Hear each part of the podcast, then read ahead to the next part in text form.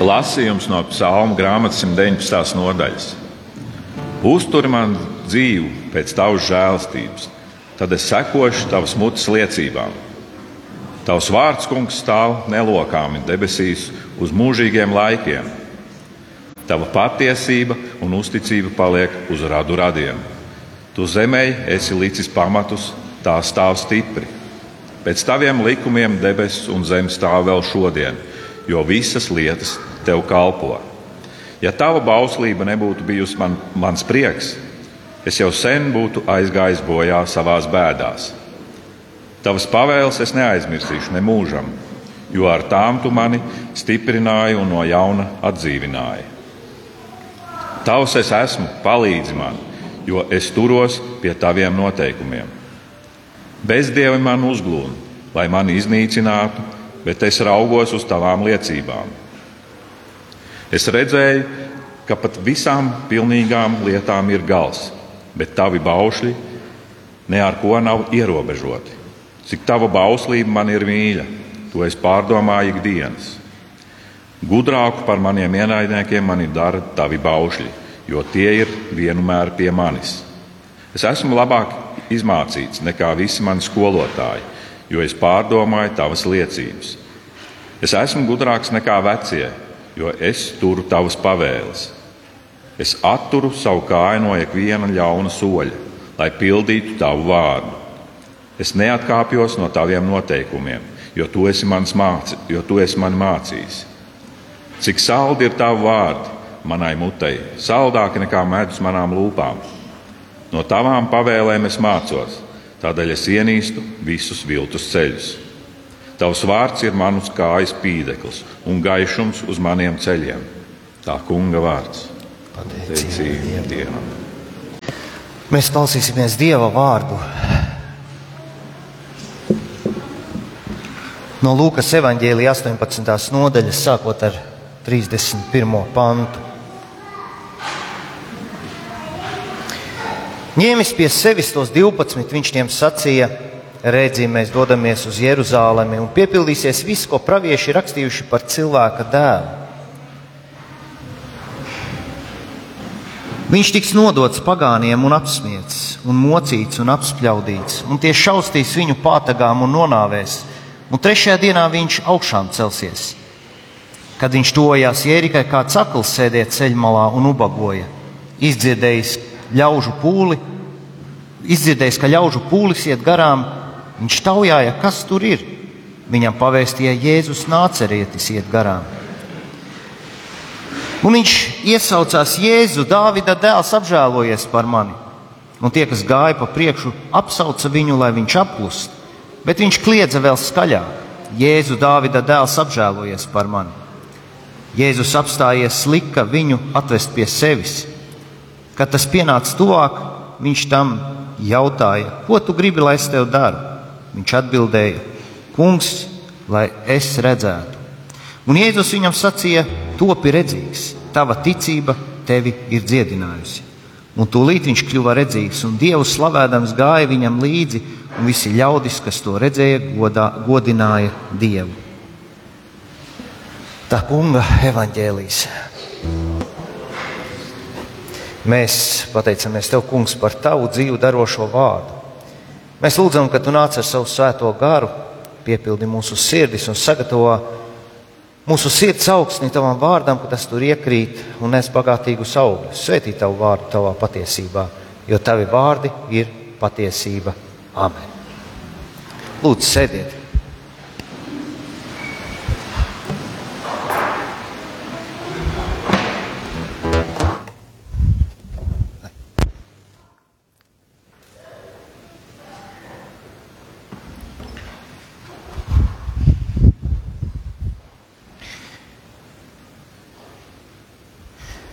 Šodien mēs esam aicināti būt pārdomās par to, kas ir Bībele. Mēs Bībeli mēdzam saukt arī dažādi savādāk, kā Dieva vārds, svētie raksti. Kas ir šis fenomens Bībele? Kādiem cilvēkiem varbūt ir priekšstats, kas par Bībeli neko nezina, ka tā ir tā kā, nu jā, Dieva vārds. Varbūt tā ir nokritusi no debesīm, jau gatava latviešu valodā. Um, mēs zinām droši vien, ka mēs saprotam, ka tā tas nav. Citi atkal apgalvo, nu tā jau ir tāda cilvēka sarakstīta grāmata, bet arī tā tas nav. Daļa patiesības ir abām šīm frontēm. Un vārds Bībele, tas ir ļoti vienkāršs vārds no sengrieķu valodas Biblija. Tas nozīmē grāmatas. Ja varētu teikt, arī biblioteka, jo Bībele sastāv no ļoti daudzām grāmatām. Tās ir apkopotas vienā. 27 jaunās derības grāmatas un 39 vecās derības grāmatas. Un šīs grāmatas, varētu teikt, tur ir vēstules grāmatas, um, ir sarakstījuši dažādi autori. Šīs grāmatas ir dažādu žanru grāmatas, vēsturiskās, poēzijas, likumu grāmatas, pravieši. Mēs zinām, ir Jēzus četri evaņģēliji, vēstules un tā tālāk. Bībele, Bībeles vārds un viss, kas ir sarakstīts Bībelē, tā ir Dieva atklāsme. Jeb Dievs ir inspirējis šos autorus, jeb iedvesmojis savus cilvēkus uzrakstīt to, ko Dievs mums ir vēlējies atklāt cauri visai cilvēku vēsturei. Tiešām Bībeli ir rakstījuši cilvēki fiziski, bet tajā pašā laikā Dievs viņus ir iedvesmojis. Nu, piemēram, ja mēs atveram pirmo mūzus grāmatu, pirmo nodaļu, pirmo pantu, pašu, pašu pirmo pantu Bībelē, tur ir rakstīts, ka sākumā Dievs radīja debesis un zemi. Nu, loģiski, ka tur nevarēja būt šis autors klātesošs un to redzēt, jo viņš jau vēl nebija radīts. Bet Dievs ir radījis pasauli un Dievs deva atklāsmi cilvēkam par to, ko viņš ir darījis. Lai cilvēks to pierakstītu, lai mēs par to varētu izlasīt. Bībelē ir aprakstīti daudzi notikumi, kas patiesi ir notikuši, un daudzi vēsturnieki pat ar arheoloģiskiem izrakumiem to ir apstiprinājuši. Um, daudzus notikumus jūdu tauta ir nodevusi no paudzes paudzē saucamā mutvārdu tradīcijā, kad tas netika pierakstīts, bet tas tika stāstīts no paudzes uz paudzes, uh, ka bērns mācās no galvas mēs varam iedomāties, ka visu psalmu grāmatu jums bērni vajadzētu iemācīties. 150 psalmi. 119. Ivars šodien lasīja. Tas ir garš, garš, garš, garš. Um, un tā no paudzes uz paudzi. Bērni saviem bērniem, tie atkal saviem. Un tā šī uh, vēsts saglabājās. Bija arī kaut kas pierakstīts, viens citāts no Jūra Rūbeņa grāmatas Dievs ir tepat. Bībele nav pasaules vēsture, bet dvēseles vēsture. Bībelē ir daudz vēstures, bet te ir runa nevis par visu vēsturi, bet par galveno vēsturē. Tātad mēs lasām Bībelē vēsturiskus notikumus, bet galvenokārt ir jāfokusējās uz Dieva miedarbību ar cilvēkiem Tur ir jāskatās attiecības cilvēkiem ar Dievu. Jā, vecajā derībā ir daudz karu, daudz asiņainu notikumu, un bieži vien mūsu mūsdienu humanistiski domājošais cilvēks saka, es to veco derību nevaru palasīt, tur ir tik daudz asiņainu notikumu, bet šie notikumi ir tur tādēļ, ka Bībele neko nenoklusē. Bībele Bībelē ir patiesība tieši tā, kā tas ir. Neko nepielik, pieliekot, ne izskaistinot, ne samazinot šos notikumus, bet parādot šo grēka postu visā tā skarbumā. Un arī parādot to, kā Dievs par cilvēkiem ir apžēlojies, pat tad, kad cilvēki ir pilnīgi, pilnīgi atkrituši. Mēs varam jautāt, kāpēc Dievs vispār dod Bībeli? Kāpēc mums Bībele ir vajadzīga. Un tam ir daudz iemesli. Bet es domāju, ka vissvarīgāk ir, lai mēs iepazītu Dieva raksturu, viņa nodomus, viņa attieksmus cilvēkiem, ka viņš vēlas mūs glābt un ka viņš vēlas būt ar mums attiecībās. Un jūs esat šo pantu jau dzirdējuši, Jeremijas 29.11, kur Dievs saka, jo es zinu, kādas man domas par jums, saka tas kungs, miera un glābšanas domas, un ne ļaunuma un ciešana domas, ka es jums beigās došu to, ko jūs cerat. Bībele mums ir, lai mēs iepazītu Dieva mīlestību, lai mēs iepazītu Dieva glābšanas plānu, kur atklājas Dieva dēlā Jēzu Kristu. Ja uzmanīgi lasa, Bībeli var pamanīt, ka tieši Bībeles centrā, arī cauri vecai derībai, ir Jēzus Kristus. Psalmos daudz pravietojumu ir par Jēzu. Pašā pirmā mūža grāmatā, uzreiz pēc grēkā krišanas, mēs redzam, ka ir pravietojums par Jēzu.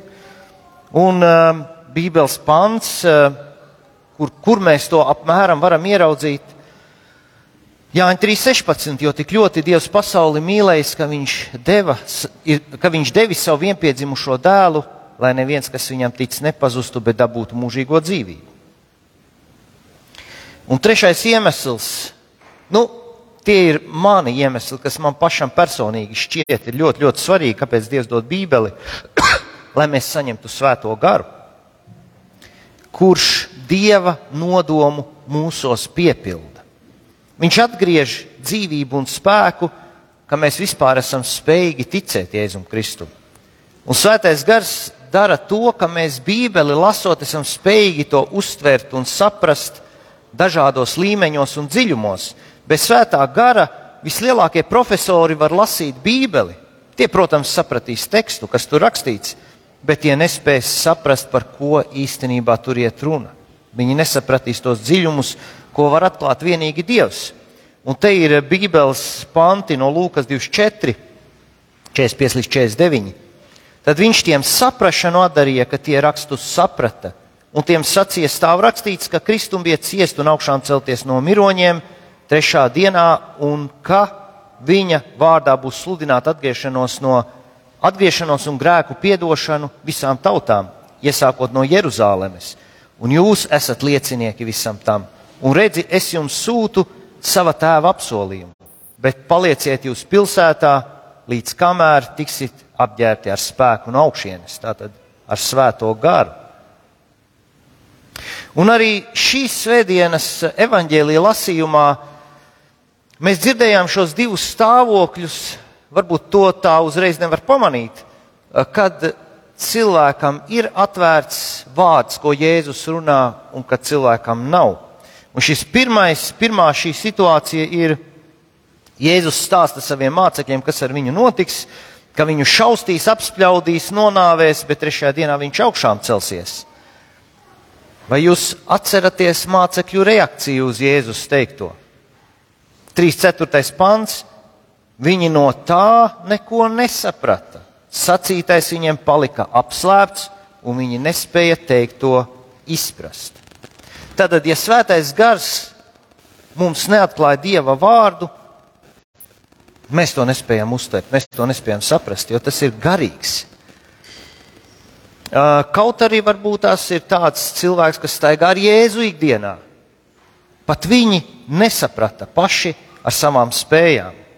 Tāpēc mēs esam aicināti, pirms mēs lasām Bībeli, lūgt, lai svētais gars atver mums Dieva vārdu, lai tas atver, mēs arī tikko lūdzām, lai atver mūsu sirdis. Mēs lūdzam pirms svētrunas aiz evaņģēlīja lasījuma, lai Dievs šo vārdu mums dara dzīvu.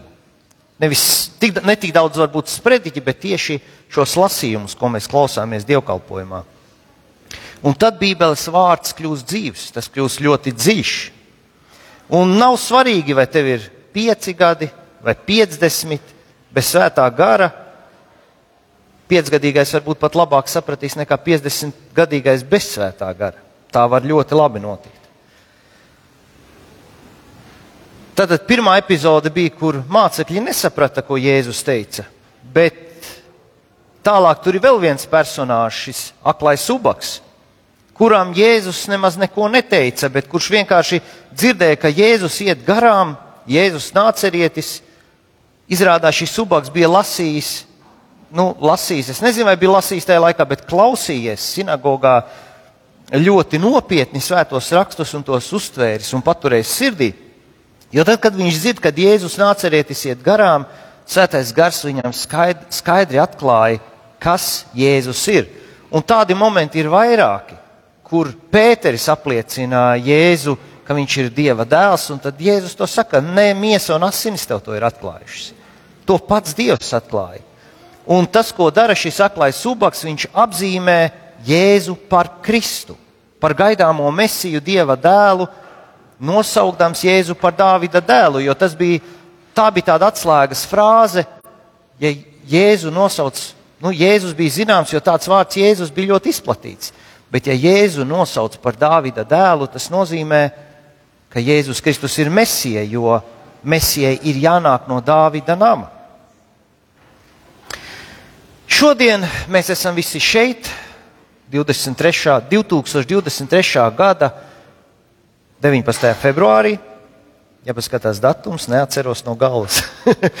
Šis ir moments, kur mēs esam šodien šeit.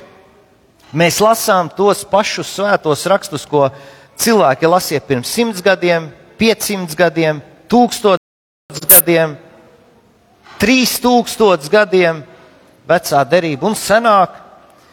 Šo dieva vārdu mums atklāja Dievs svētais gars, tāpat kā Dievs to atklāja senajiem cilvēkiem.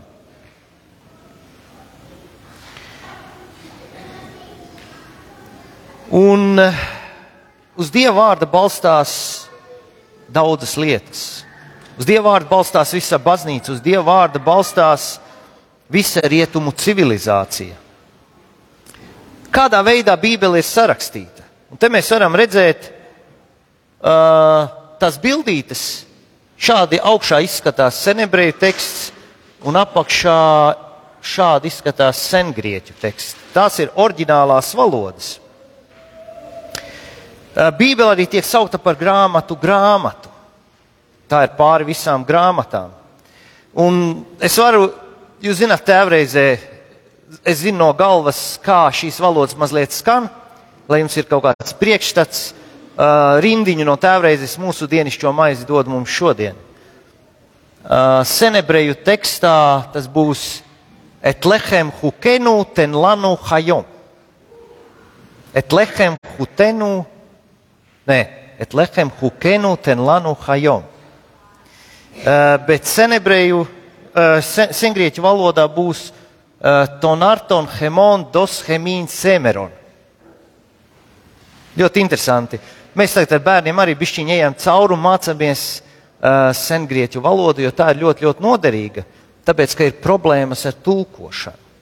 Un, ja arī ir pārtulkot precīzi tā Bībele, tad skatoties oriģinālu tekstu, mēs viņu redzam daudz, daudz plašāk. Un, ja jūs pamēģinātu palasīt vienu un to pašu Bībeles kaut kādu fragmentu trijās, četrās valodās, jūs arī redzētu, ka tas ir daudz plašāk nekā vienā valodā to vispār var izteikt.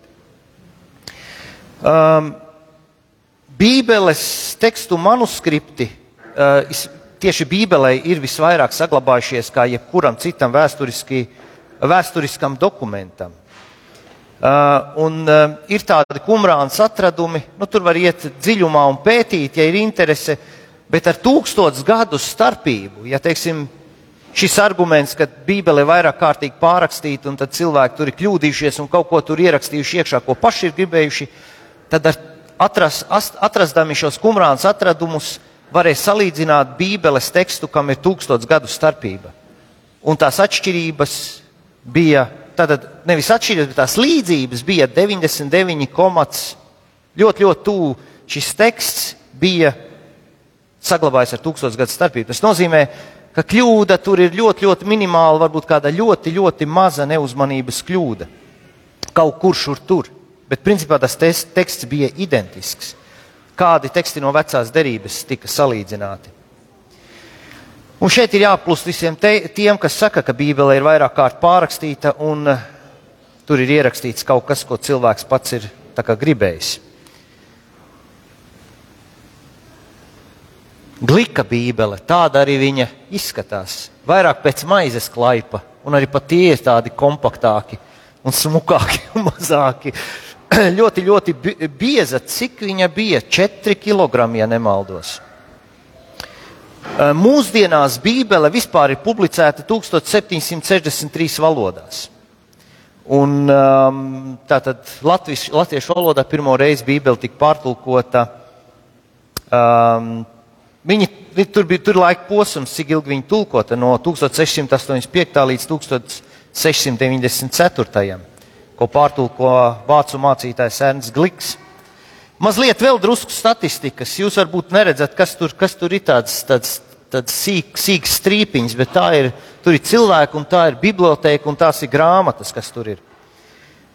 Um, gadā tiek pārdots vairāk kā 10 miljonu bībeļu. Vairāk kā 10 miljonu. Periodā no 1815. līdz 1975. gadam ir izdoti 2,5 miljardi bībeļu. Tā tā ir vienkārši ilustrācija, kur daudz, daudz grāmatas ir. Un mēs ar abrīnu varam šo grāmatu paņemt rokās un turēt. Un mums ir tā privilēģija, kāda nav bijusi agrākiem cilvēkiem, kur Bībele bija retums un tā bija pieejama tikai dievnamos. Um, šī grāmata ir, protams, vairāk nekā parasta grāmata, jo Dievs caur to runā uz mums. Daudzi cilvēki varbūt pārprot šo Bībeles nozīmīgumu tādā ziņā, Eh, ka viņam šķiet, ka pati grāmata viņus pasargā. Un kādi cilvēki nevis lasa Bībeli, bet liek to zem spilvena un tādā veidā cerot, ka viņam nekas nenotiks. Bet uh, tas ir liels pārpratums. Domājot, ka Bībelē ir šāda veida maģiskas spējas, kaut gan ir arī liecības, ka cilvēki karā ir nesuši Bībeli un lodi ir iešāvusi Bībelē un cilvēks ir palicis dzīves. Dievs jau, protams, arī tā var lietot savu vārdu, bet galvenais un pirmais Kāpēc Bībeli lasīt, ir taisīt vaļā un lasīt tekstu un saprast. Mēs varam dažādas lietas pielietot. Piemēram, es ar planšeti varu iet sist peles, un nu, kādu peles arī nositīšu. Bet, uh, principā, tā planšeta ir, lai es viņu lietotu un lai es varētu lasīt tekstus un skatīties viņā kaut ko. Dievs ir devis Bībeli, lai mēs to lasītu, lai mēs paturētu Dieva vārdu savā sirdīs. Šie vārdi glābi, izmaina cilvēku, izmaina civilizācijas. Šie vārdi nes bagātīgus augļus mūsu dzīvēm. Un tas, uz ko arī es šodien visus mūs aicinu, ka mēs node, no, novērtējam šo pārdabisko dārgumu, ko Dievs mums dod. Ka mēs lasām Bībeli, cik vien mēs vera, varam. Jo pasaule uz mums izdara spiedienu un vēlns diktē savu realitāti. Ka mums liekas, ka tā realitāte, kur rāda vēlns, tā ir tā īstā. Bet jo vairāk mēs lasām Bībeli, jo vairāk Dievs mūs pārnes savā realitātē, ka šīs pasaules realitāte mums izskatās pilnīgi savādāk. Es varbūt tā sarežģīti esmu pateicis, bet lasot Bībeli, mūsos, mūsos rodās prieks, miers, cerība, mīlestība. Tās visas lietas mums rodās lasot Dieva vārdu. Un vienalga, vai mēs Bībeli klausāmies, vai lasām papīra formātā, vai tā ir mūsu mobilajā vai planšetē, Dieva vārds paliek tik un tā stiprs un spēcīgs, kas darbojas mūsos. Lai Dievs uz to mūs svētī. Āmen!